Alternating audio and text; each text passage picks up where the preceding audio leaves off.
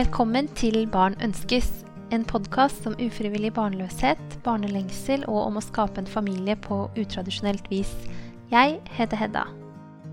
De av dere som lyttet til de første episodene av podden, altså miniserien Et IVF-forsøk fra start til slutt, vil kjenne igjen gjesten i denne episoden.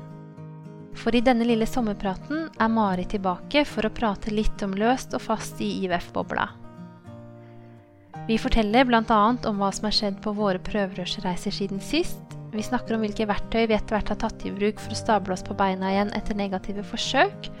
Og så snakker vi litt mer om dette med åpenhet og forholdet til venner som venter eller har barn. Mari deler sin reise på bloggen Babydrøm og på Instagram, og dere finner henne på babydrom.wordpress.no. Meg finner dere på Instagram og Facebook under Barn ønskes, og på e-post på barnonskes at gmail.com. Og dere, jeg blir veldig takknemlig hvis dere vil hjelpe meg med å spre podkasten. Når dere deler i deres kanaler eller tipser en venn, bidrar dere til at podden når ut til dem som kan ha bruk for den, og det gjør det ekstra meningsfylt for meg å lage den. Jeg tar meg noen uker til med ferie nå, og podden er tilbake med ny episode i første halvdel av august. Så fortsatt god sommer til dere der ute, og takk for at dere lytter.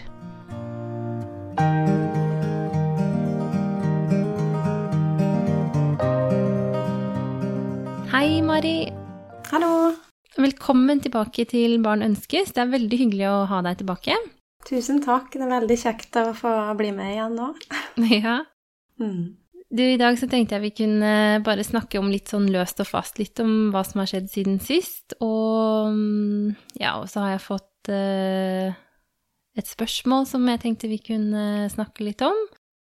Men nå er det jo Jeg måtte se i kalenderen her i stad, men nå kom jeg frem til at nå er det ca. tre måneder siden vi spilte inn den forrige episoden vår sammen. Ja, det har gått så lenge siden, ja. For det var i midten av mars. April, ja tida, Ja. tida flyr. Ja, det gjør det. Men um, hvordan har du det? Jeg har det veldig greit egentlig akkurat nå, da. Eh, Vi har jo hatt litt sånn pause, som vi kaller det. Mm. Mm.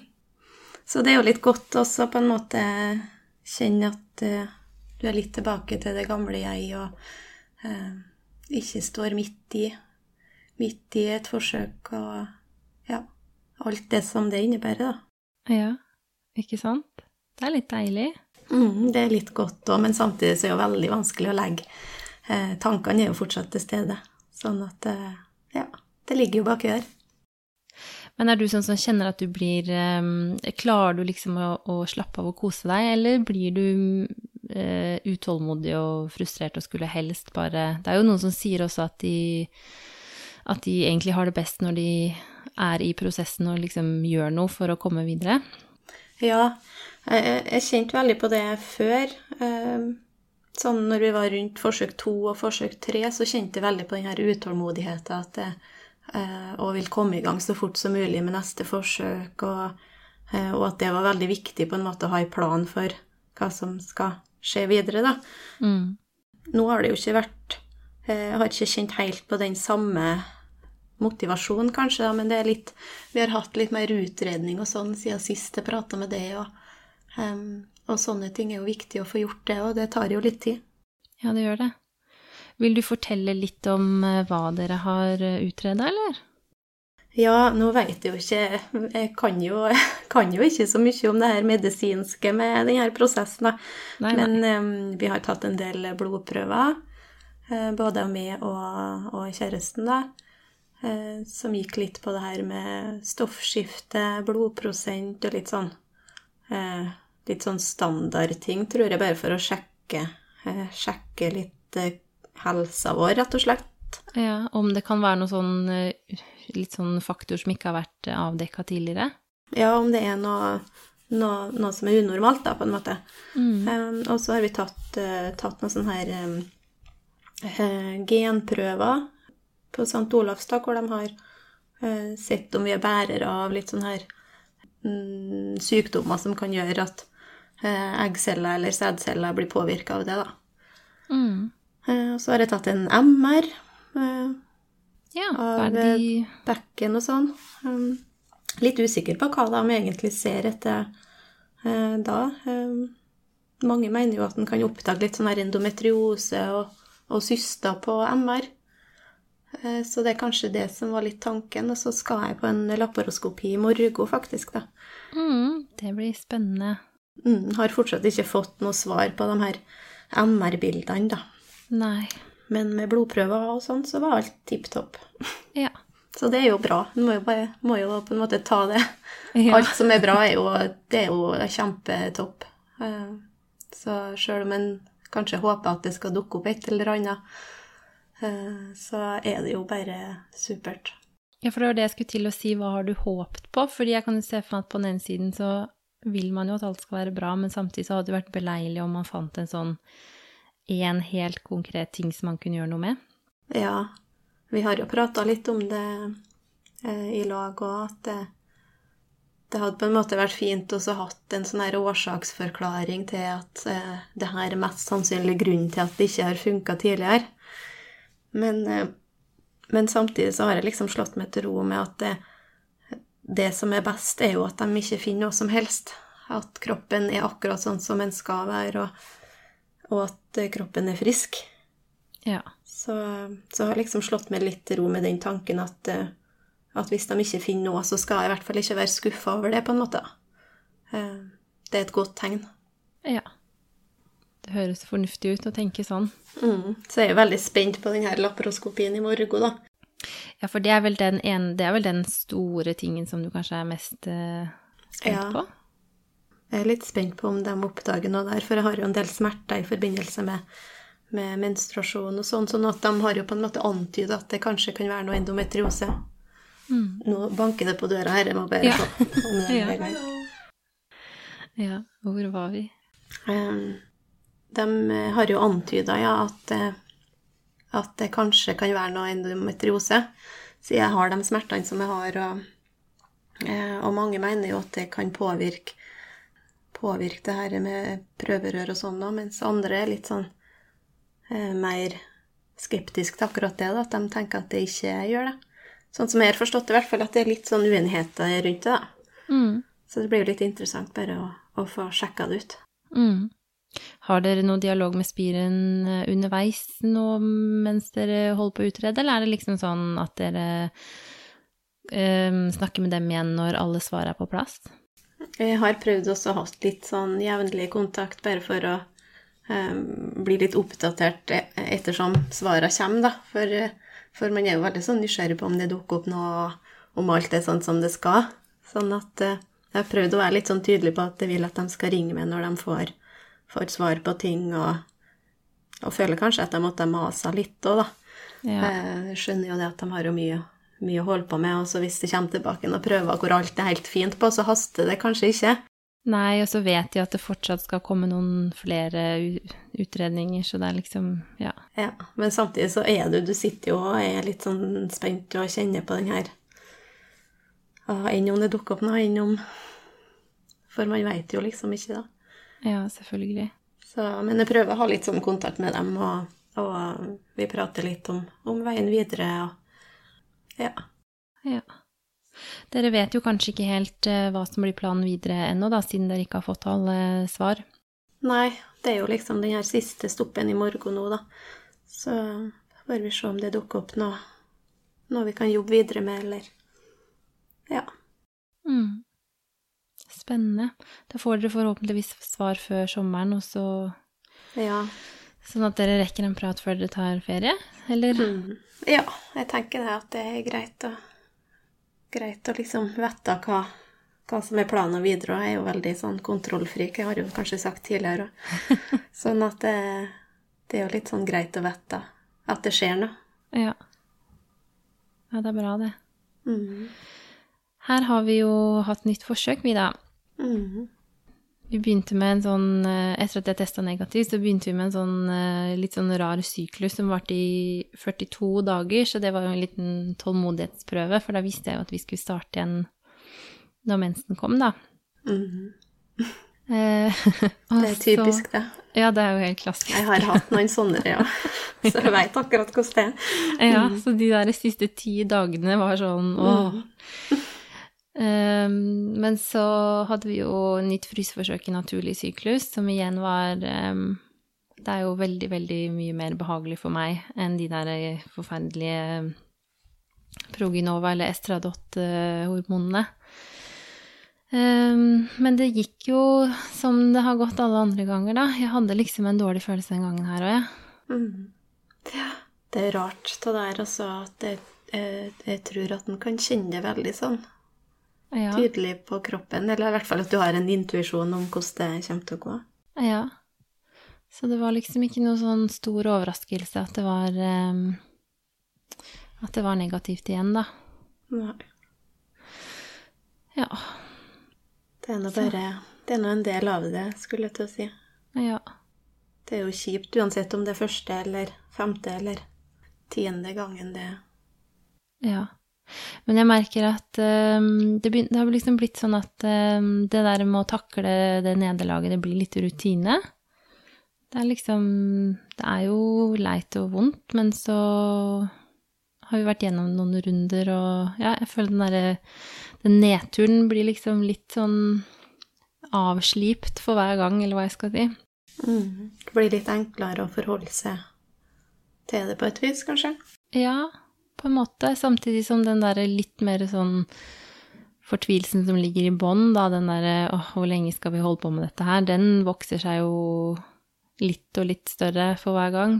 Mm. Men den litt sånn bunnløse sorgen som kommer akkurat med en gang, den er liksom ikke så stor lenger. Nei. Det blir på en måte som om man ikke forventer noe, at det skal gå på en annen måte, på en måte. Ja, jeg tror det. Beskytter meg jo veldig. Ja, ja, det tror jeg, det tror jeg når vi har i oss, at vi, vi prøver å gjøre den skuffelsen så, så behagelig som mulig, da. Ja. Så da forbereder en seg kanskje i, i en stund før, før, den dagen kommer. Ja, merker veldig Det tror jeg sa litt i, når vi hadde den lille miniserien vår òg, i, i, det forsøket i februar. Men det var det samme nå, at jeg merker at jeg holder det veldig sånn på avstand. Det er nesten sånn at jeg sitter og På kvelden så kan jeg sitte og se en serie og drive sånn og spille spill på mobilen samtidig, bare for å stimulere liksom hjernen nok til at jeg ikke tenker mm. noe på det, da. Så, men nå tenker vi litt på veien videre, da, fordi vi øh, øh, Vi har jo fortsatt sju blastocyster i fryseren på Riksen. Mm. Um, men jeg har ikke ringt dit ennå og avtalt noe nytt forsøk, fordi uh, vi driver og lurer på om vi skal gå en runde privat, vi nå. Ja. Og det handler litt om Ja, jeg har tenkt litt på um, at jeg har ikke lyst til å Altså, det er jo, dette er jo min opplevelse, og jeg er veldig takknemlig for at vi har et offentlig tilbud i Norge. Men eh, samtidig så kjenner jeg at uh, nå har vi holdt på et år, og for meg så Det er en sånn tilleggsbelastning for meg, syns jeg, det der med at uh, man møter forskjellige personer hver gang, de vet ikke hvem jeg er, jeg må gjenta en del beskjeder hver gang. Nå kjenner jeg bare Jeg har bare behov for å, for å gå et sted hvor uh, hvor de vet hvem jeg er, hvor det er sånn Hei, Hedda. Ja, deg kjenner vi jo. Mm. Ja, jeg forstår det virkelig godt. Det er jo en av de store forskjellene som jeg har tenkt veldig mye på, at det, det er ekstremt godt å bare ha én person å forholde seg til. Da. Mm. Så sånn skulle det jo absolutt ha vært på, på sykehuset òg. Ja, nei, men det er jo jeg, jeg, skjønner liksom så godt at de har noen andre rammebetingelser når det kommer til kapasitet og, og bemanning og sånn, men jeg jeg kjenner liksom at vi, vi er ikke der ennå, men, men vi begynner Eller i hvert fall jeg, da. Eh, for vi er ikke helt enige her hjemme, men eh, jeg begynner å snuse litt på den der eh, 'når skal vi kaste inn håndkleet'? Så jeg tror ikke vi kommer til å orke liksom å holde på i årevis til, og da tenker jeg da vil jeg gjerne at Jeg vet ikke, det handler litt om å bare kanskje um, ta noen valg som gjør at jeg orker å stå i det litt lenger, da. Ja, så er det noe med det her at en skal føle seg man skal føle seg ivaretatt, og man skal føle seg sett oppi denne prosessen òg. Og den følelsen savna jeg virkelig på, på sykehuset òg, altså. Um, og det ser jeg at det er en del som skriver òg. Ja. Uh, at det blir litt sånn her samlebånd. Og i, på ett forsøk, hvis en, hvis en er så heldig å bli gravid i løpet av ett, eller kanskje til og med to forsøk, så kjenner du kanskje ikke så, så mye på den følelsen, da. Men når det drøyer litt sånn ut i tid, så, så merker en det kanskje bedre og bedre for hver gang at det Ja, fordi jeg hadde jo den opplevelsen eh, den gangen jeg ble gravid. Vi ble jo gravid på første, og da var det sånn, ja, det var forskjellige leger de seks eller åtte gangene jeg var der eh, til sammen da, men Men det gikk greit, på en måte, ja. Ja, det var litt sånn, men samme det, vi ble jo gravide. Mm. Nei, jeg tror kanskje man har litt ekstra behov for det når, når ting ikke går, går helt veien nå, da. At, at den her emosjonelle biten den blir litt større for hver gang du mislykkes, og så, og så søker man noen å lene seg på, noen å stole på, og så føler man kanskje ikke at, at man får helt det, da. Ja. Ja, du har sikkert ikke rukket å høre på den, men den episoden som jeg la ut i, i går kveld med Tone Bråten, så sa hun det at noe av det første hun jobber med med sine pasienter, hun er jo terapeut og jobber med ufrivillig barnløse, er å jobbe med det å klare å stole på klinikken. Mm. Og hun sa et eller annet sånn som at eh, hvis du føler at du må ha kontroll over din egen eh, medisinske behandling, så sliter det veldig mye, og da kjente jeg meg veldig igjen i det. Eh, så det er litt det behovet jeg har for å kunne liksom lene meg tilbake og si ok. Mm. Ja, så samtidig så skal man jo liksom Jeg tenker samtidig så, så må, du, må du legge det ansvaret bort ifra deg sjøl. Det tror jeg er ganske viktig, at, at du må velge å stole på klinikken eller sykehuset eller hva det nå er, men samtidig så skal en være kritisk og stille, stille en del spørsmål. Er dere sikre på at det her er riktig? Og så, og så få dem til å dobbeltsjekke ting. Da tror jeg liksom ekstra viktig på de offentlige klinikkene at, man har, at du hele tida er litt på og har litt ekstra kontroll sjøl. Ja, jeg tror det. Mm. Og så kan en jo diskutere om det er sånn det burde være, da. Men eh, ja. Men du, hva har dere brukt eh, pausen deres til sånn utenom utredninga? Eh, nei, det går jo i det vanlige, egentlig, da. Mhm. Det er nå det her fantastiske A4-livet med jobb og Ja. hund og katt og Ja. hytteliv. Ja, jeg så jo i påsken så delte du noen bilder med en sånn helt fantastisk eh, utsikt. Ja. ja, vi har eh, svigers som har hytte, da, som vi får lov til å låne. Så det er jo veldig godt å kunne, kunne benytte seg av sånne plasser og, og bare få litt sånn miljøforandring. Det, det gjør veldig godt, merker jeg, da. Ja. At man ikke går hjemme hele tida. Så, så det er med å styrke forholdet og, og bare komme seg, komme seg bort en liten tur. Mm. Det var jo det samme for oss i påsken, og vi var på hytta til foreldrene mine, og bare Det var jo så deilig vær. Men det også var helt sånn Ja, det er som du sier, komme seg bort, glemme det litt, ha litt god tid sammen og finne på noe annet, liksom. Tenke på andre ting. Ja.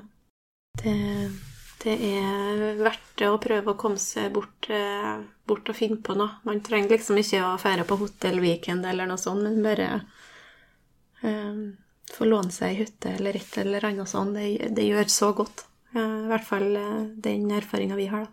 Mm.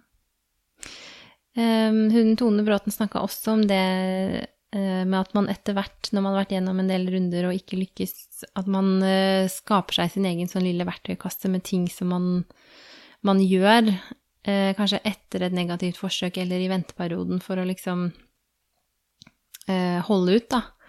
Har du reflektert nå over om du har noen sånne ting som du, som du gjør for deg selv etter et forsøk eller imellom?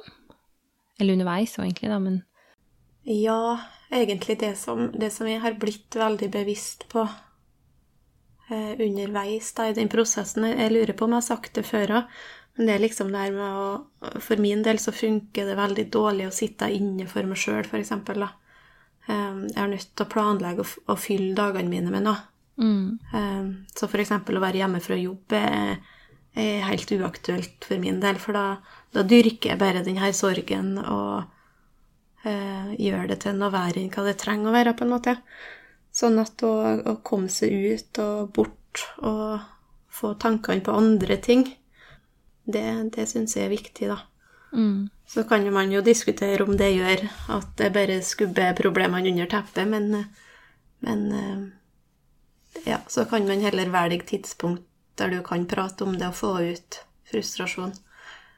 Eh, Men i hvert fall sånn at du ikke blir sittende med det eh, alene, da, og, og gruble, rett og slett. Mm. Og så har jeg tenkt litt på det her med at man, man ikke skal sette livet på vent, eller at man ikke skal planlegge eh, livet etter forsøka, for sånn var det litt i starten oss, at vi planla på en måte Nei, vi kan ikke reise på ferie, nei, vi kan ikke reise bort den måneden, for det kan hende at vi skal være i forsøk da.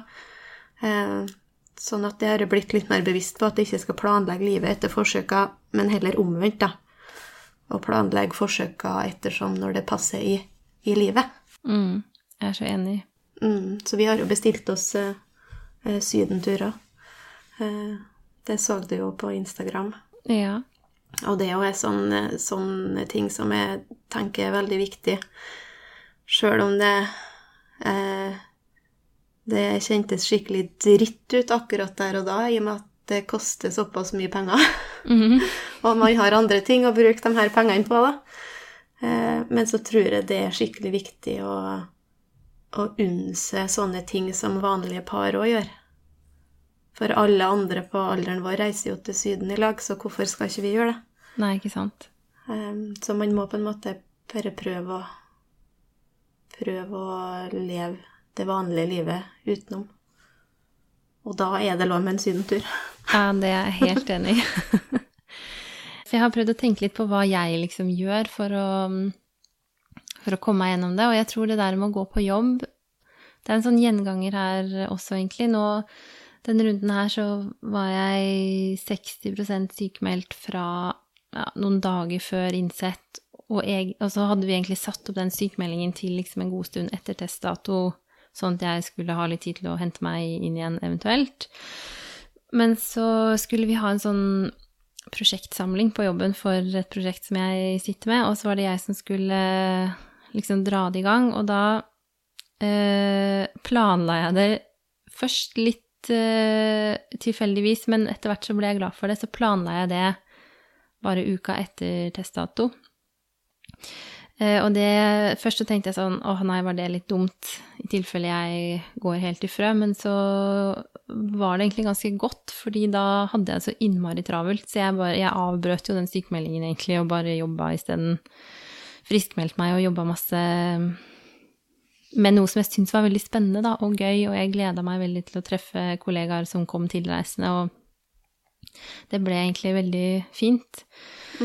Og så prøver jeg også å være litt sånn bevisst på det at jeg ikke bare graver meg ned i jobb for å døyve det, på en måte, men at det Ja, jeg vet ikke. Jeg, for meg så har jeg følt at det har vært veldig riktig, i hvert fall den gangen her, da. Skikkelig sånn morsomt, liksom, egentlig. Ja, i hvert fall, i hvert fall viktig hvis, er, hvis du har en jobb som du gleder deg til, og som du virkelig ser fram til. Så tenker jeg jo at, at det er jo bare positivt å, å gjøre noe, gjøre noe som, som, du får glede av, og som gjør dagen din bedre. Um, og sånn er det jo med meg òg, at jeg, har jo, jeg er jo så heldig at jeg har en jobb som er, som jeg virkelig liker, og som, som gir meg energi i stedet for å ta energi. Mm. Så, så det kommer nok kanskje litt an på hvor glad man er i jobben sin og det man gjør, da. Ja, det er klart. Mm. Og så har jeg lagt merke til at det er jo en helt sånn banal ting, og det er jo sånn det er jo en sånn ting som hvis noen eh, prøver å trøste meg med det, så blir jeg jo kjempesint. Men jeg har også lagt merke til at jeg har nok en tendens til å kose meg litt med mat og drikke som man ikke kan ha når man er gravid imellom. Det er litt sånn nå i helgen så har vi liksom Vi har spist spekemat, drukket øl, og i går så spiste vi en litt sånn blodig biff med god vin til, og Mm. Selv om eh, det er ingen som skal komme her og si til meg sånn, ja, men da kan du i hvert fall ta deg et glass vin, da, liksom som en trøst, så, så merker jeg likevel at jeg koser meg litt med det, da. Ja, absolutt. Og, og, da tenker jeg at da må han bare få lov til å, å, gjøre det hvis man føler at det er riktig, liksom. Ja, ja. Så sånn, sånn, har det vært litt med også, at vi um, Sånn i forkant av innsett og sånn, så, så, er det liksom Jeg har liksom sagt til Vegard ganske mange ganger da, bare åh, tenk den dagen jeg blir gravid, og da skal jeg faktisk ikke spise biff på ni måneder. Fordi at jeg greier ikke å spise en biff som er helt gjennomstekt. Da, da er jeg heller avholds, på en måte. Mm. Um, og så når det ikke går, da, så, så, må vi bare planlegge et måltid med biff, sånn at vi får den her, ja. den her gleden med å faktisk kunne spise det, da. Og det er jo sånne her små ting som man bare Ja, men da må vi bare sette pris på at vi kan gjøre det, da. Ja. Sånn er det bare. Ja. Og så har jeg faktisk eh, eh tatt et valg nå som føles litt sånn livsendrende, nesten, fordi vi driver jo og pusser opp. Vi eh, kjøpte jo min, mitt barndomshjem for to år siden, som vi driver og totalrenoverer, egentlig. Men eh, Og nå mens vi Altså helt siden rett etter påske og gjennom hele det forsøket vi har hatt nå, så har vi Ikke vi, da. Ola har holdt på med mm, å bygge ny terrasse ute som er et kjempeprosjekt. Mm. Uh, og det har vært litt sånn gjennom det, hele det året her at vi liksom har Vi har ofte hatt noen sånne oppussingsprosjekter på gang. Og så har det en tendens til å bli litt sånn at uh, uh, Ola pusser opp mens jeg steller med alt inne, på en måte. Uh, og så var det en kveld her uh, midt i det forsøket her hvor jeg For jeg prøver liksom å passe litt ekstra på meg sjøl i forsøkene. Da kanskje ja, gå en tur i skogen og gjøre de tingene som jeg vet at gir meg litt uh, energi. Og så sa jeg til Ola sånn Nå er liksom barnet lagt og middagen rydda bort alt, så nå stikker jeg til en tur. Og så ble han så oppgitt. Og helt sånn Ja, nå føler jeg meg helt alene med oppussingen, og så sa jeg ja, men jeg føler meg helt alene med å prøve å lage barn. og så gikk jeg i skogen da, og gikk og tenkte sånn dette går ikke, dette går ikke. Så da jeg kom hjem, så sa jeg sånn, vet du hva, vi kan faktisk ikke eh, drive og ha sånne kjempestore oppussingsprosjekter på gang parallelt. Vi må bare ta pause. For jeg er så lett å overtale til å sette i gang mellom forsøkene, for da tenker jeg ja, nå er det jo lenge til neste gang, og så er det jo deilig å se at det blir finere rundt også. Mm. Men, eh, men jeg tror at jeg merker at det at, um, at Ola bruker så mye av sin energi på det, gjør at han ikke har så mye energi til overs for å liksom takle meg på mitt mest hormonelle og slitne. Ja. Så nå har jeg nå har jeg sagt at nå vil jeg ikke være med på noen flere store prosjekter mens vi holder på med søskenforsøk, og det føles veldig riktig for meg, og kanskje ikke så riktig for han. Men jeg tror det er smart, da. Ja, det er jo sånn, vi er jo litt sånn ulike oppi det her. Det har vi kanskje sagt litt tidligere, at vi takler ting på forskjellige måter. Uh. Men de helt store prosjektene kan man kanskje la vente på, så ja. Ja. Ja, for jeg tror det å ha sånne litt avgrensa ting som går fort, tror jeg kan være veldig fint, sånn at man har noe å fylle dagene med, men ja, jeg er veldig heldig og har en eh, mann som også er veldig sånn eh, Han lager seg en plan, og så holder han den. Eh, så, men det blir litt sånn hardkjør på oppussinga som regel i de periodene. Og det er jo bra, da, fordi det er jo ingen som vil ha liksom sinnasnekkeren på døra. Mm. Det er greit at det blir ferdig, ja. ja. Men uh, det det gjør, er liksom at uh, jeg føler nesten at det der oppussingsprosjektet blir viktigere enn en enn IVF-prosjektet. Og det er ikke helt forenlig med, med den innsatsen det krever, syns jeg da. Nei, det er sant. Så nå har jeg sagt at hvis vi skal holde ut dette her, så må vi ha det sånn at Um, at, at, det blir liksom Ok, da er det søskenforsøk som gjelder, og så må vi bruke resten av den energien vi har igjen da, det må vi bruke på faktisk På hverandre og gjøre ja. fint på ting, ja. Mm. Ja, bare ha det fint sammen. Mm. Ikke liksom dra på byggmakker og på gjenvinningsstasjonen og tømme hengeren, og da skal vi liksom bare lage god mat og sitte ute på terrassen og kanskje stikke ut og spise eller ta en is eller mm. ha det fint, liksom. Ja, det heller med de. Det tror jeg Vi har jo prata litt om det tidligere, og at det er viktig å fylle, fylle de her dagene med noen med gode, positive ting, da. Så, og det er det kanskje ekstra viktig at man gjør i lag òg.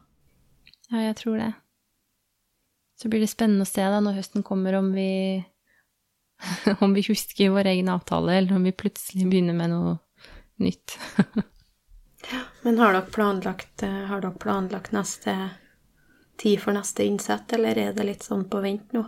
Nei, vi har um, sendt journal og sånn til en um, privatklinikk.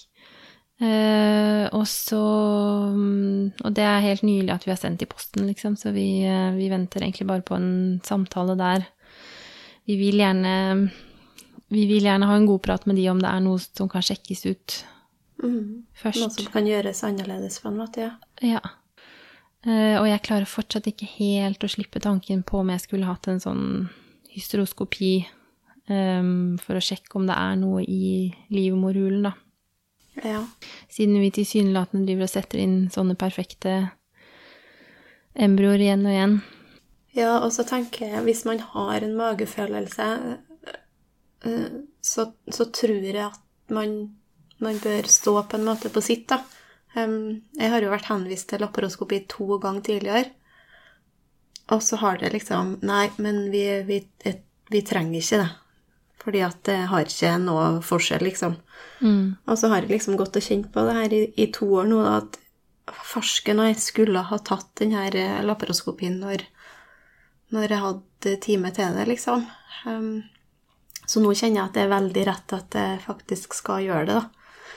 Um, sånn at jeg tror nok det at hvis man har en magefølelse, at man går og kjenner på at åh, jeg føler på meg at det er noe der, så, så så er det nok noe instinkt som vi har i oss, som vi kanskje ikke skal ta for gitt, da.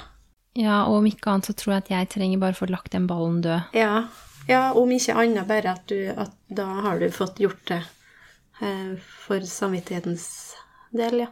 Mm. Nei, så jeg tror Jeg tipper at um, hvis jeg insisterer på det og får det, så er det sikkert litt ventetid, og da er vi nok utpå litt utpå høsten en gang, tenker jeg. Mm. Men hvis dere, hvis dere, velger en privat klinikk nå, blir det nytt forsøk helt fra starten av, eller kan man fortsatt bruke de eggene som dere har? Du um, Hvordan funker det? Uh, jeg har faktisk sjekka det en gang før, for da ringte jeg til uh, en privatklinikk og spurte om det gikk an å flytte over um, frosne embryoer fra offentlig klinikk til privat. Og da fikk jeg egentlig beskjed om at det ikke går an at ikke de gjør det. Men så hadde jeg Medicus har en sånn, en sånn second opinion-mulighet som vi benytta oss av her nå i vår, hvor man kan sende de informasjon og journaldokumenter, og så ringer de opp for en gratis telefonsamtale hvor de bare snakker gjennom litt sånn hva de ville gjort, da. Ja. Og da fortalte Og det var for øvrig veldig bra, så det er eh, noe jeg absolutt kan anbefale, for det, jo, det koster jo ingenting og ga i hvert fall meg litt ro i sjela. Ja, vi jo var til mediekurset i Trondheim eh, etter vi var på St. Olavs, da, etter at vi hadde hatt tre forsøk der. Så var vi både på Spiren og på Medicus, og, og, og veldig fin den muligheten til at det, i og med at det ikke koster noe, så er det verdt å ferde innom dem, da. Medicus, altså. Mm. Men han fortalte i hvert fall da at de ved flere anledninger hadde flytt, eller fått flytta over Embroer fra offentlig klinikk til, til seg. Um, frosne embryoer, så da går det tydeligvis an. Ja, for det tenker jeg er jo litt sånn dumt å bare la dem gå til spille, på en måte. Ja, men jeg tror faktisk, selv om muligheten er der, så tror jeg faktisk at vi kommer til å gå for Det kan være best ja. å starte helt fra mm. Ja, jeg har liksom lyst til å Jeg vet ikke om det er noe som kan gjøres annerledes, men jeg har liksom lyst til å kjøre kanskje et fullt forsøk hos en privatklinikk og la de få ta styringa helt fra dag én. Um, og så handler det også litt om at det koster jo, litt avhengig av hvor du er, så koster det en del å få satt inn de frosne embryoene også. Og så Jeg blir jo ikke noe Ikke at jeg er så gammel, men jeg blir ikke noe yngre heller. Så jeg tenker kanskje at hvis vi kjører et um, ferskforsøk, og det ikke går, så kan vi Så har vi jo fortsatt de på, i, på Rikshospitalet, og så kan vi kanskje ta et offentlig og et privat etter hvert fryseforsøk og litt sånn, da. Mm. Så jeg har, litt, jeg har egentlig mest lyst til det. Men det høres jo veldig fornuftig ut, egentlig, da. Det er jo greit å, å høre hva de De tenker ofte litt annerledes, de her private klinikkene. Ja så, så har de jo eh, litt mer informasjon å gå på, i og med at dere har hatt de forsøkene dere har hatt tidligere, og så har de kanskje sett litt på hva som i hvert fall ikke fungerer. så prøver de kanskje noe, noe annet. Ja. Nei, så det er i hvert fall Vi får nå høre hva de sier, da, men det, mm, det er i hvert fall sånn jeg tenker nå. Mm. Så det går jo av uh, oppussingskontoen, men hvis vi ikke skal pusse opp noe i søskenforsøk uansett, så, Så går det opp i opp, ja. så er det greit. ja. Nei, men det er fornuftig bruk av pengene, ja. Ja, så får vi heller spare opp en, nye midler til oppussing litt senere. Ja. Vi har faktisk, eh, vi har faktisk brukt av huslånet vårt via på å betale forsøka i, i privat, altså. Så det er nok ikke de første som gjør det. Nei.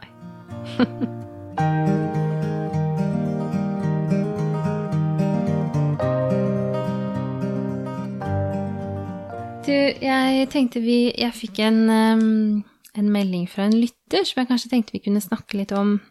Mm. Og jeg tenkte at jeg kunne lese den opp for deg. Ja.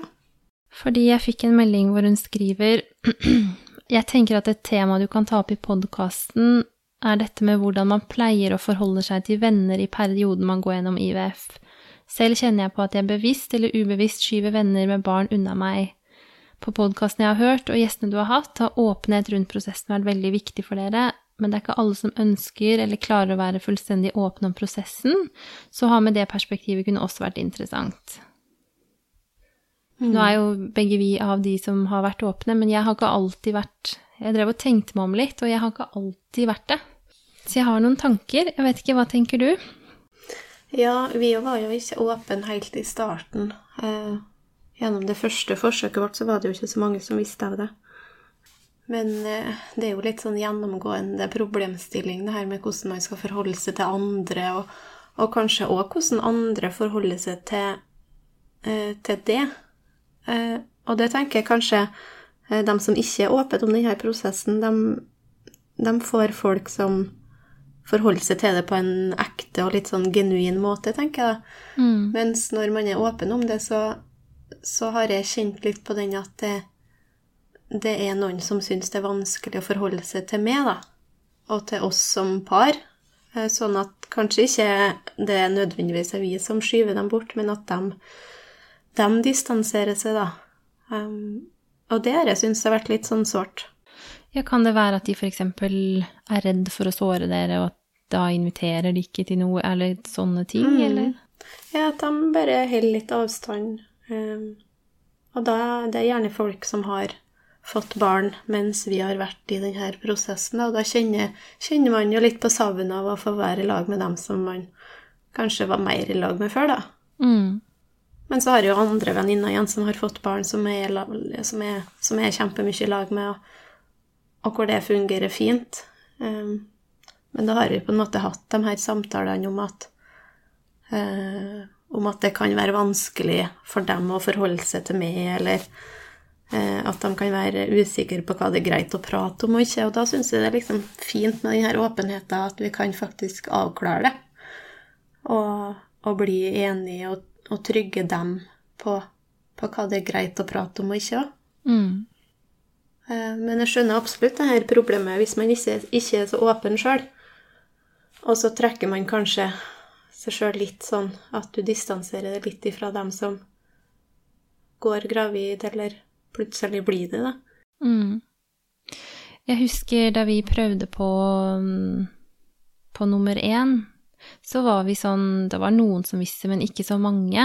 Da var jeg nok mye mindre åpen enn jeg er i dag, og da husker jeg veldig sånn um, Det var også i en fase i livet hvor veldig mange rundt oss hadde fått barn, sånn at når Ola og jeg ble sammen, så var det fortsatt ganske mange som, eh, som ikke hadde barn, og det var veldig mye sånn eh, Jeg vet ikke, det blir jo en del festing, men også veldig sånn lett å være spontan, og man er mye sammen og finner på ting og kan stikke bare og grille på stranda eller et eller annet. Og så skjedde det liksom et eller annet sånn rundt der akkurat når vi var i en veldig sånn sår fase, så så husker jeg at det sosiale begynte liksom å gå fra at man bare er voksne, til at det er veldig mye sosialt med barn. Og jeg husker for eksempel en sånn um, Det var noen venner av oss som, um, som, ha, som hadde barn, da, som inviterte til en sånn afterwork hjemme hos de uh, i hagen med liksom grilling og uh, brus og is, og alle barna hoppa på trampolina og bada i sprederen. Og jeg eh, Vi dro jo dit fordi vi hadde ikke sett Altså, det var liksom en stund siden vi hadde vært sammen alle sammen, og det høres jo kjempehyggelig ut, det. Og jeg bare husker at jeg satt der helt på gråten hele ettermiddagen med liksom verdens største klump i halsen, og det var Jeg syns bare det var fælt. Mm. Fordi eh, jeg følte meg så utenfor det fellesskapet, da. Hadde liksom ikke noe å bidra med i samtale, for det er jo veldig fort gjort at samtalen rundt bordet da Dreier seg om, om barn og ting som har med barn å gjøre. Jeg kjenner meg veldig godt igjen i akkurat den, og dermed bare det å, å, å, å prate med andre mennesker, så, så, vender samtalen seg veldig fort inn på det her med barn. Um, og det kan jo være på, på forspill og på fest og det. Ja. Sånn at det tror jeg nok er noe som mange har kjent på, og følt seg, følte seg litt sånn på, på sidelinja. Ja. Og så det blir det jo veldig sånn, eller jeg husker også veldig sånn For det var jo ganske mange relativt små barn, og de avbryter jo samtalen hele tiden også. Sånn at eh, når jeg da endelig syns at eh, jeg satt og snakket med noen om noe som, som jeg syns på en måte var interessant, og som jeg kunne delta i samtalen, så, så merker man jo liksom at fokuset til den du snakker med, liksom blir sånn av og på hele tiden. Mm.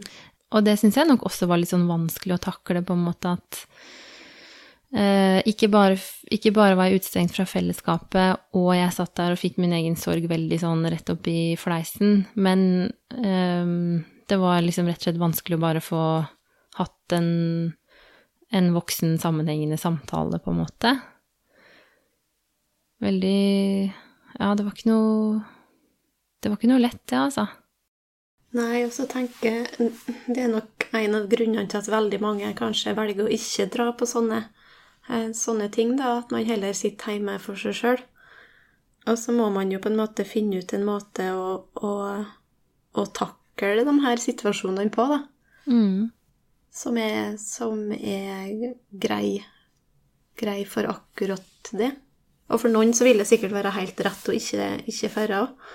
Men, eh, men, jeg ser jo mange skriver litt om, om, det her at de føler seg alene, og at de, de, kanskje velger å ikke bli med på ting.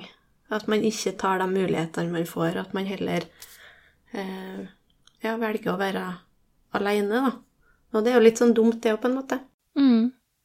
Og så er det en del sånne arenaer som liksom forsvinner litt sånn gradvis. Jeg husker bare Ja, nå er det jo ikke så lenge siden 17. mai, men jeg husker også sånn rundt den tida der så, så skjedde det også noe med 17. mai-feiringen, f.eks. i vennegjengen vår, at um, det gikk fra å være en dag hvor det var liksom champagnefrokost og at man var sammen med venner, til å være en familiedag for veldig mange. Og det også var veldig sårt når man ikke Når man egentlig ønska å også være den som takka nei fordi man skulle gå i barnehagetog og spise kake og alt sånn. Mm. Ja, 17. mai er jo en veldig spesiell dag for mange som ikke har barn, og det leser en jo litt om i, i media at det, det, kan være ganske sårt for veldig mange. Um, jeg fikk jo en kommentar på 17. mai i år, f.eks. at det, det er så bra at det ikke bare er barnefamilier som kommer på arrangement. At det ikke bare er dem med barn.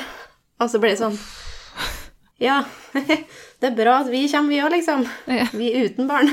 Åh, Sånn at det er sånn Ja. Så bare takk for at du poengterte. Skulle gjerne hatt med meg noen barn på slep, men sånn er det dessverre ikke. nei, oh, Men, er, eh, men den dagen, på en måte, den byr opp til Byr opp til sånne, sånne ting å si òg, føler jeg. Mm, ja, det gjør litt det. Når man velger å fære på et sånn, sånn arrangement, så, så, så blir det noe ubehag uansett, tenker jeg. Du gjør det jo noen tanker uansett. Ja. Så, så jeg har full forståelse for at det er veldig mange som velger det bort, da. Men så er det jo litt Det er jo litt godt å, å være i lag med familie og venner òg, da. Jeg har i hvert fall valgt å bare Jeg har alltid vært med på 17. mai-feiring og kommer til å, å, å fortsette å være med på det. det er jo bare noe sånn valg man må gjøre, selv om det kan være litt sårt og litt sånn at det setter i gang noen ekstra tanker, på en måte. Mm. Så, så synes jeg det er en veldig fin dag, da. Og da har jeg liksom bare prioritert og, og sagt til meg sjøl at det skal jeg være med på, og jeg skal prøve å gjøre det til en god ting. Mm. Men det er jo klart at det ikke er så lett alltid. Men hvordan kjenner du mm, rundt det å være sammen med venners barn, eller være sammen med liksom venner som har barn, eller Hvordan kjenner du om det? Det som jeg syns er litt sånn Det kommer jo naturligvis an på hvor godt forhold du har til, til de venninnene, da. Jeg har jo noen som jeg har veldig nær med, som jeg har et veldig godt og veldig åpent forhold til. Og da er det på en måte eh, overhodet ingen problem å være i lag med dem og, og med barna deres, da. Um, Det syns jeg egentlig bare er fint. Eh, Og, og tenker liksom at jeg er heldig som har den muligheten til å få være i lag med de her barna her. For jeg er jo veldig glad i barn. Sånn at det syns jeg er, er supert. Og så er det litt sånn om dem som man kanskje ikke ser så ofte, da. Dem som gjerne bor litt lenger borte, eksempel, eller um, kanskje ikke opprettholder den gode kontakten som vi kanskje har hatt tidligere. Da er det jo litt sånn, det går jo kanskje begge veier, men, men, um, men du kjenner litt på den av at noen trekker seg kanskje litt unna, da. Mm. Og det er jo litt sånn, litt sånn sårt og litt sånn Man grubler litt på hvorfor det er sånn, om det er ting som jeg skulle ha gjort annerledes, så eh, Ja, og så er det liksom ulik, ulike personer har ulik forståelse for det som vi er midt oppi òg. Mm. Jeg har jo blant annet noen venninner som, som sier at 'å, det er så synd i det', stakkars det. Åh, li- blir veldig sånn her sånn. Og da tenker jeg, da blir det litt sånn feil, det òg. Fordi at jeg vil liksom ikke at noen skal sitte og, og synes sånn synd på meg. Stakkars det som ikke har noen barn, liksom. Og så sitter de der med sine egne barn, på en måte. Mm. Så blir, det blir bare sånn Så da har vi kanskje trukket oss litt unna, vi òg. Og forholdt oss til dem som gir oss, gir oss god energi og, og trua på at det skal gå til slutt, på en måte. Mm. Jeg vet ikke helt om jeg svarte på det du spurte om. Jo. Og så er det så det der med en ting som jeg også tenker mye på, er det der med jeg håper å si klaging. Fordi Mm. eh, der er vi også veldig forskjellig hvor mye man klager over både svangerskap og barn, og eh, det kan jo være veldig sårt. Og så jeg sånn, jeg er liksom litt opptatt av at uh, det må være lov å si at uh, det er tungt å både være gravid og ha barn selv om man har kjempa for det, men det er veldig stor forskjell på uh, litt hvordan man klager og hvor mye man klager, og det er i hvert fall noe jeg syns kan være ganske, ganske sårt.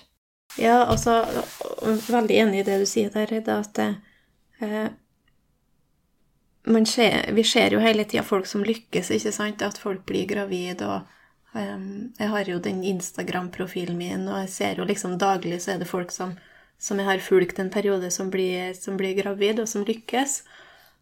Og da tenker jeg det, det er så viktig på en måte at, at vi som ennå ikke har lykkes, kommer med denne pekefingeren og sier at nei, du, du har ikke lov til å være glad, du kan ikke klage på det svangerskapet her fordi at du har eh, vondt i bekken, eller hva det nå måtte være, liksom. Så jeg tenker det er så viktig at vi passer oss for den her Fordi at vi veit ikke Sjøl om de har lykkes, så må de få lov til å kjenne på, kjenne på det sånn som det er, liksom. Mm. Så det tenker jeg er, er viktig, men som sagt, alt med måte, da. Mm. Eh, ja. Ja, og det er liksom noen som har helt eh, Ja, jeg snakket med en venninne av meg om det nå i helgen, faktisk. For hun Jeg har en venninne som har et barn som er veldig sykt. Og de har jo virkelig en tilværelse som eh, eh, Som er helt annerledes enn alle vi andre har. Mhm. Eh, og hun også er jo da på en måte Kan være Kan synes det er veldig vanskelig med eh, folk som klager, da. Spesielt over eh, at det er slitsomt å ha barn, for eksempel.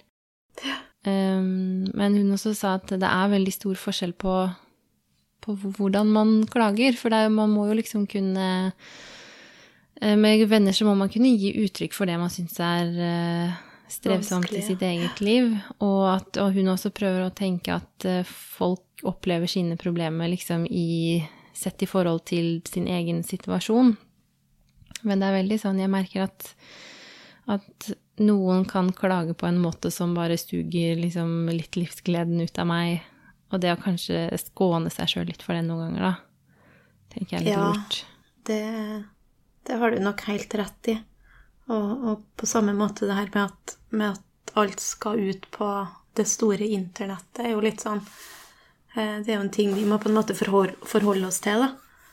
At alt skal publiseres, og alt skal deles. Og, og det har jeg òg tenkt på i denne prosessen der med deling av eh, ultralydbilder, f.eks. Og, og det er Nå er du så mange uker på vei, og nå er du så mange uker på vei, og eh, jeg har blitt liksom litt mer og mer bevisst på, på, på det her med deling av, av sånne her oppdateringer. Da er det egentlig så interessant for, for alle å vite alt som har med svangerskapet ditt å gjøre, på en måte. Mm.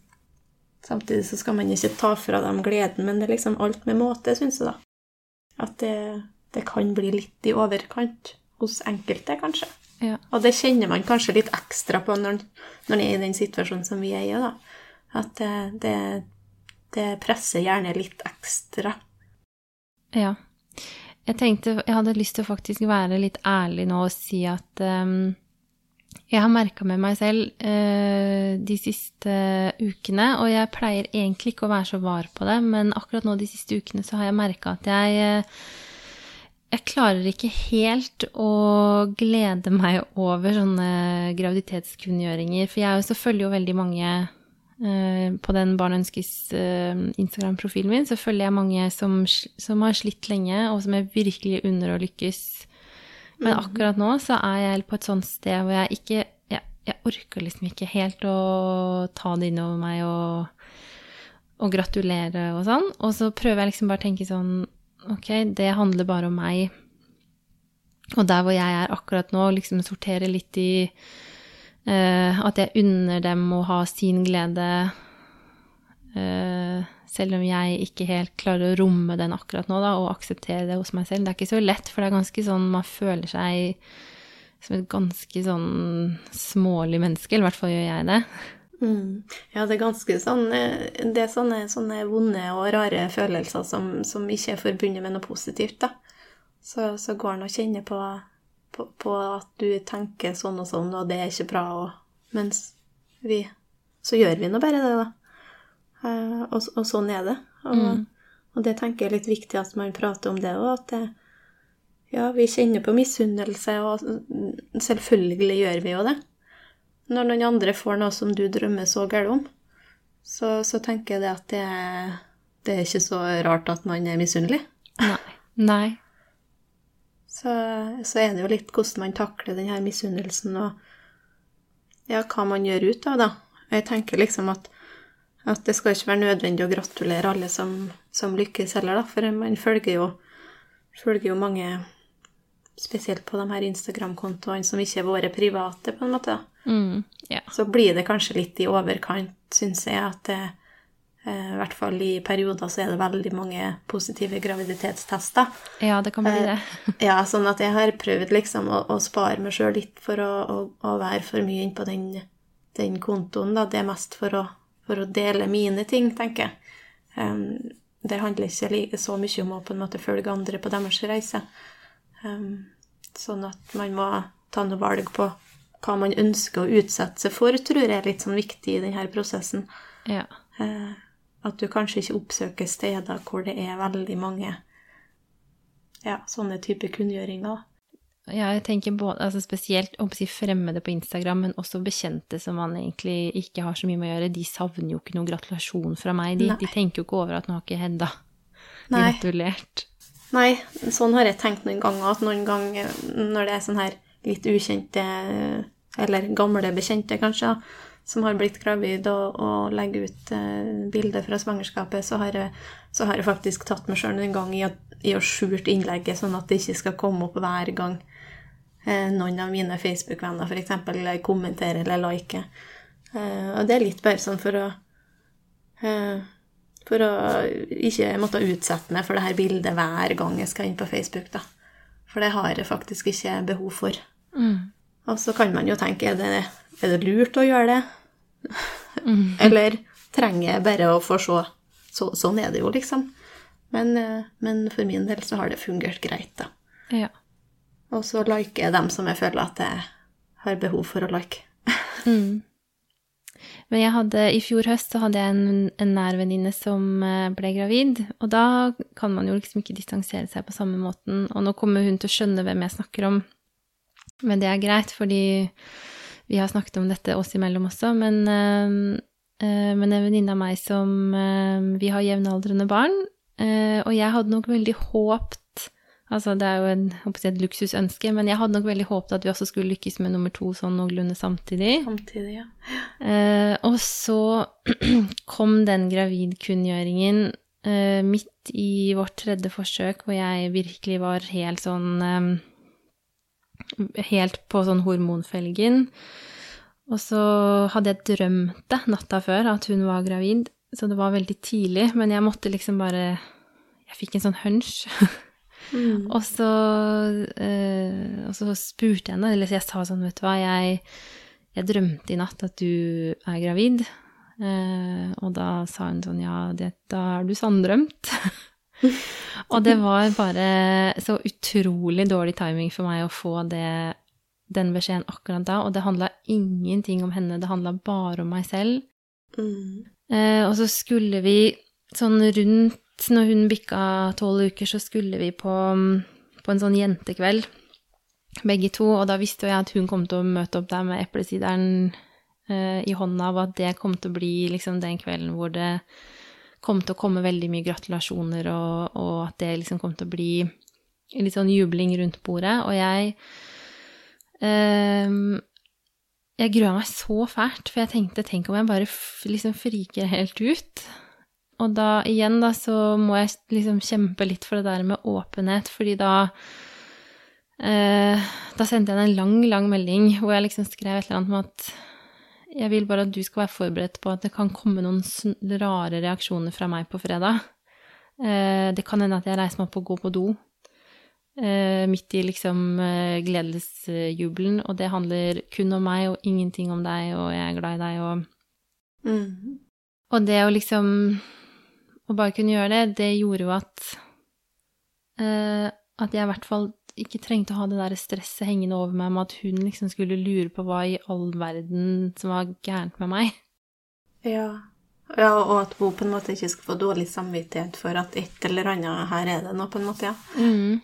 Så da hadde vi tatt en avklaring på litt sånn på forhånd, men det var ganske sånn eh, Jeg har brukt ganske mye tid Eller jeg har brukt ganske mye tankevirksomhet på å prøve å liksom sortere opp i mitt eget hode hva som handler om meg, da, i den situasjonen, og hva som eh, Prøve å liksom akseptere hos meg selv at ja, det er Det har vært tungt for meg, og sånn er det bare. Mm. Eh, og det må være greit. Ja, litt å, å akseptere på en måte sine egne reaksjoner på, på sånne her ting, og er litt viktig å være litt sånn bevisst på. Mm.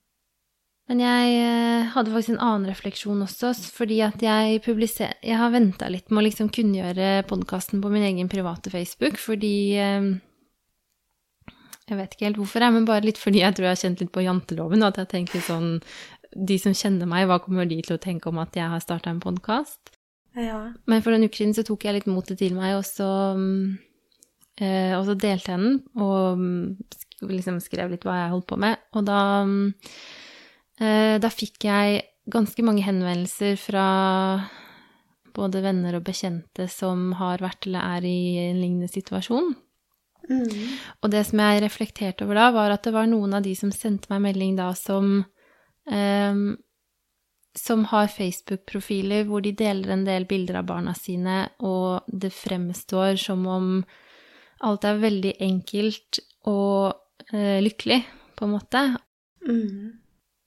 Og det var veldig, litt sånn tankevekkende Altså, jeg hadde liksom aldri tenkt på at de kanskje også kunne ha vært gjennom dette, da. Og så, og så var det liksom et par stykker av de som da skrev ja, vi har også prøverørsbarn. Mm. Og det var så fint. Da tenkte jeg egentlig sånn Ja, for man vet jo egentlig ikke hva som skjuler seg bak de derre eh, Nei. Og akkurat, akkurat det der har jeg, har jeg tenkt på sjøl òg, når folk deler at de er gravid, f.eks., eller det er babyshower, og og så har jeg liksom sagt, eh, sagt til Vegard f.eks. at nå skal de ha baby òg. Og så er det sånn, ja ja, vi veit jo ikke på en måte hvordan denne babyen her ble skapt. Vi aner jo ikke hva slags reise de har hatt dit. Sånn at man skal jo ikke på en måte tenke at alle andre har en lettere vei enn seg sjøl. For det er jo ikke alle som er like åpne. Men, men samtidig så er det veldig fint sånn så i mitt og ditt tilfelle, når, når vi er såpass åpne om det, da, så er det veldig kjekt at andre tar kontakt og sier at vi har òg vært gjennom det samme. Og så sitter de der kanskje med både to og tre barn. Mm. Så er jo det veldig sånn Det er veldig godt å få høre det. For hvis man ikke hadde vært åpen sjøl, så, så hadde du aldri fått de her fine samtalene med, med likesinnede, da. Mm. Så det er litt sånn fint. Ja, jeg syns det var kjempefint. Så etter det så har jeg tenkt sånn stadig vekk når jeg ser noen som som legger ut f.eks. Uh, hyggelige helgebilder med barna sine, så har jeg tenkt Istedenfor å tenke sånn åh, ja ja, så fint dere har det da, så, så kan jeg tenke sånn Kanskje det bare er sånn at uh, dette har dere kjempa lenge for, og endelig kan du også dele at dere kom i mål, liksom. Mhm. Ja, vi veit jo ikke. Um, og jeg forstår på en måte, jeg forstår egentlig veldig godt at det er mange som ikke velger å være så åpne om denne prosessen, for det er jo såpass privat og, og sårt. Sånn at jeg har full forståelse for at det er veldig mange som velger å, å, å ha det kun for seg sjøl, da. Mm. Men det er jo litt vanskelig på en måte, vanskelig for meg å, å, å sette meg inn i hvordan det er, i og med at vi er såpass åpne som vi er, da. Ja. Jeg, jeg skal prøve å se om jeg kan få tak i en gjest som ikke har um, som ikke har vært så åpen. Men det er, utfordringen er at det er lettest å finne de gjestene som allerede har Ja, på en måte gått ut litt med det. Naturlige årsaker til det. Ja. Mm. Du Mari, jeg lurer på om det er et fint sted å runde av for i dag? Ja. Ja. Det var veldig, veldig hyggelig at du ville um, komme tilbake og bare prate litt sånn løst og fast med meg. Mm, det var veldig kjekt å bli spurt igjen, da. Ja, og så, og så spør jeg deg helt sikkert igjen litt etter hvert. Mm, det må du bare gjøre. Mm. Så da får du ha en eh, lykke, veldig masse lykke til i, med laproskopien og alle prøvesvar, og så, Ja, takk for det. Og så høres vi. Jeg har forresten, eh, det er litt morsomt, men eh, det er både venner og familiemedlemmer som stadig vekk spør sånn, ja, hvordan går det med hun Mari? Ja, det er bra, det, da. ja, så jeg er sikker på at det også er mange andre der ute som har lurt på hvordan det har gått med deg. Ja, så kjekt. Ja. Fint, takk for nå. Ja, takk skal du ha. Ha det bra. Ha det.